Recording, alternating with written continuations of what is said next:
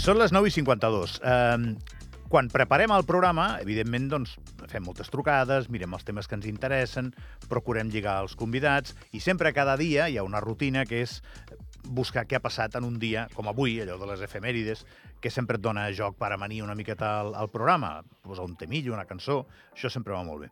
Doncs ahir, buscant el que havia passat un 12 de gener, em trobo amb una efemèrides que era relativa a Andorra, o com a mínim un personatge molt relatiu a Andorra. Boris Skorisev va néixer un 12 de gener del 1896 a Vilnius, Lituània. Què passa? Que hi ha borisòlegs, persones que han estudiat la vida d'aquest senyor, que va dir un dia, va presentar-se aquí i va dir que era el rei d'Andorra. I ho va intentar, eh? Va intentar que no només les seves paraules eh, fossin paraules, sinó que, que anessin, eh, que portessin adherits fets, no?, i convertir-se doncs, en, el, en el rei d'Andorra i asseure's en un tro. Eh, doncs els borisòlegs fins i tot eh, informen que igual no va néixer un 12 de gener. El borisòleg de confiança d'aquest programa és qui està preparant un documental que aquest 2024 ho petarà salvatgement, que és el meu amic Jorge Cebrián. Jorge, bon dia. Hola, bon dia, Gavi. Ets borisòleg? És la primera que m'ho diuen, però totalment. O sigui, porto 10 anys darrere el personatge i, i crec que sí em puc considerar borisòleg, eh, molt fan en alguns eh, punts de la seva vida i amb altres, lògicament, no tan fan però sí, és un personatge extraordinari. Ahir et vaig trucar per quedar per fer això, res, dic 5 minutets, Jorge, que m'aniran molt bé, perquè a més el dia doncs, ja ho porta això, i em vas dir, és que igual no va néixer el 12 de gener, és el primer que em vas dir.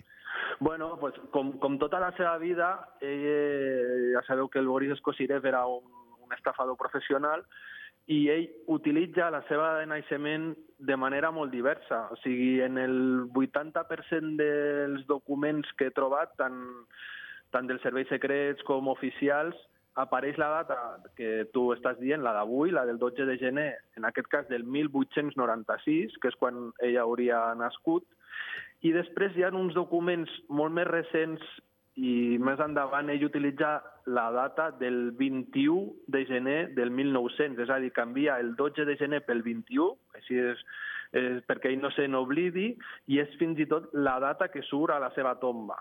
El, el documental que, que estem preparant doncs, és un dels misteris que intentem desvetllar. I tu com a borisòleg, tu com a borisòleg, què dius? Va néixer un dia o l'altre? És que jo prefereixo que això, amb la documentació que nosaltres mostrem, ho expliqui, o, o, o bueno, tregui les conclusions el, els espectadors, fins i tot diversos biògrafs de Boris eh, no coincideixen amb la data perquè tenim aquest, aquest dubte del que passa. Fins i tot a vegades utilitza el, el 1893. Eh, un, un, un exemple clar de per què utilitza és quan ell entra a, com a cadet a l'escola militar russa, perquè el Boris Skosirev havia nascut a Vilna, l'actual capital de Lituània, però que en aquells moments era territori rus, doncs ell, com ho fa tot a lo grande, ell es fica més edat de la que té, perquè ell no vol entrar com a un, un militar de raso, per així dir-ho, sinó ell ja entra com a capità. I aleshores era impossible que, que si tenia 14 anys pogués entrar com a capità, però entra eh, doncs, falsificant la seva data de naixement. O sigui, el seu pare també era, era militar, però ell falsifica la data. I no només ell eh, falsifica la seva data en alguns moments de la seva vida, sinó que en alguna de les seves dones també els hi fa falsificar la, la seva data de naixement pues, per exemple, perquè trobin feina quan són molt grans. És el cas de, de la seva primera dona, que, que també parlarem, que quan està a Alemanya, que té ja a vora els 60 anys, per aconseguir que li donin una feina, eh, pues, es treu com 15 anys de sobre. O sigui, és una de les coses que ell juga, és igual que, que amb les identitats falses que, que ell va explicant, ell es presenta moltes vegades com a capità, com a periodista, com a publicista, com a escriptor, com a rei, lògicament, com a príncep, com a baró, sempre juga amb, amb, bueno, amb les dades, amb, amb tot el que té al seu abast per aconseguir els seus propòsits. Jorge, eh, és que hi ha moltes ganes eh, d'aquest documental, ja. Eh, M'estic fent Boris a sobre de fa dies, ja. Quan, quan, jo... quan estrenes, això?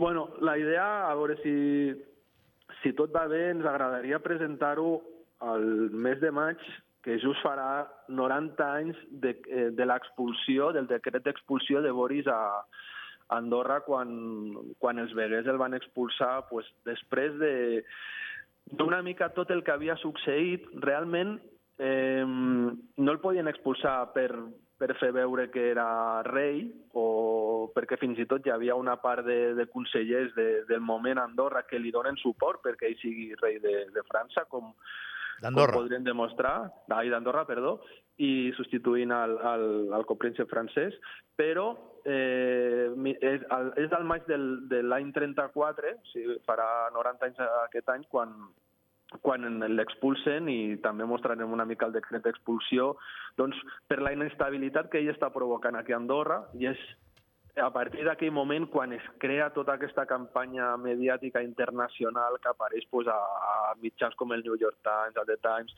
a tot arreu, i fins a la fi de la, de la seva vida ell continua mantenint que li tocaria ser el, el rei de, el rei d'Andorra, els motius, i es crea un llinatge, però sí que veureu durant el documental pues, que hi ha moments que, que això comença a implantar-se a Andorra i, i ell comença també a oferir una sèrie de coses per a Andorra que després són una realitat com és un, un, un casino, una estació d'esquí, eh, que Andorra sigui tingui una, fiscal, una fiscalitat eh, fiscal molt avantatjosa, eh, fins i tot parla d'un intercanvi turístic amb Mallorca, que és com el que acaba de passar ara que, que s'ha obert la línia a Mallorca.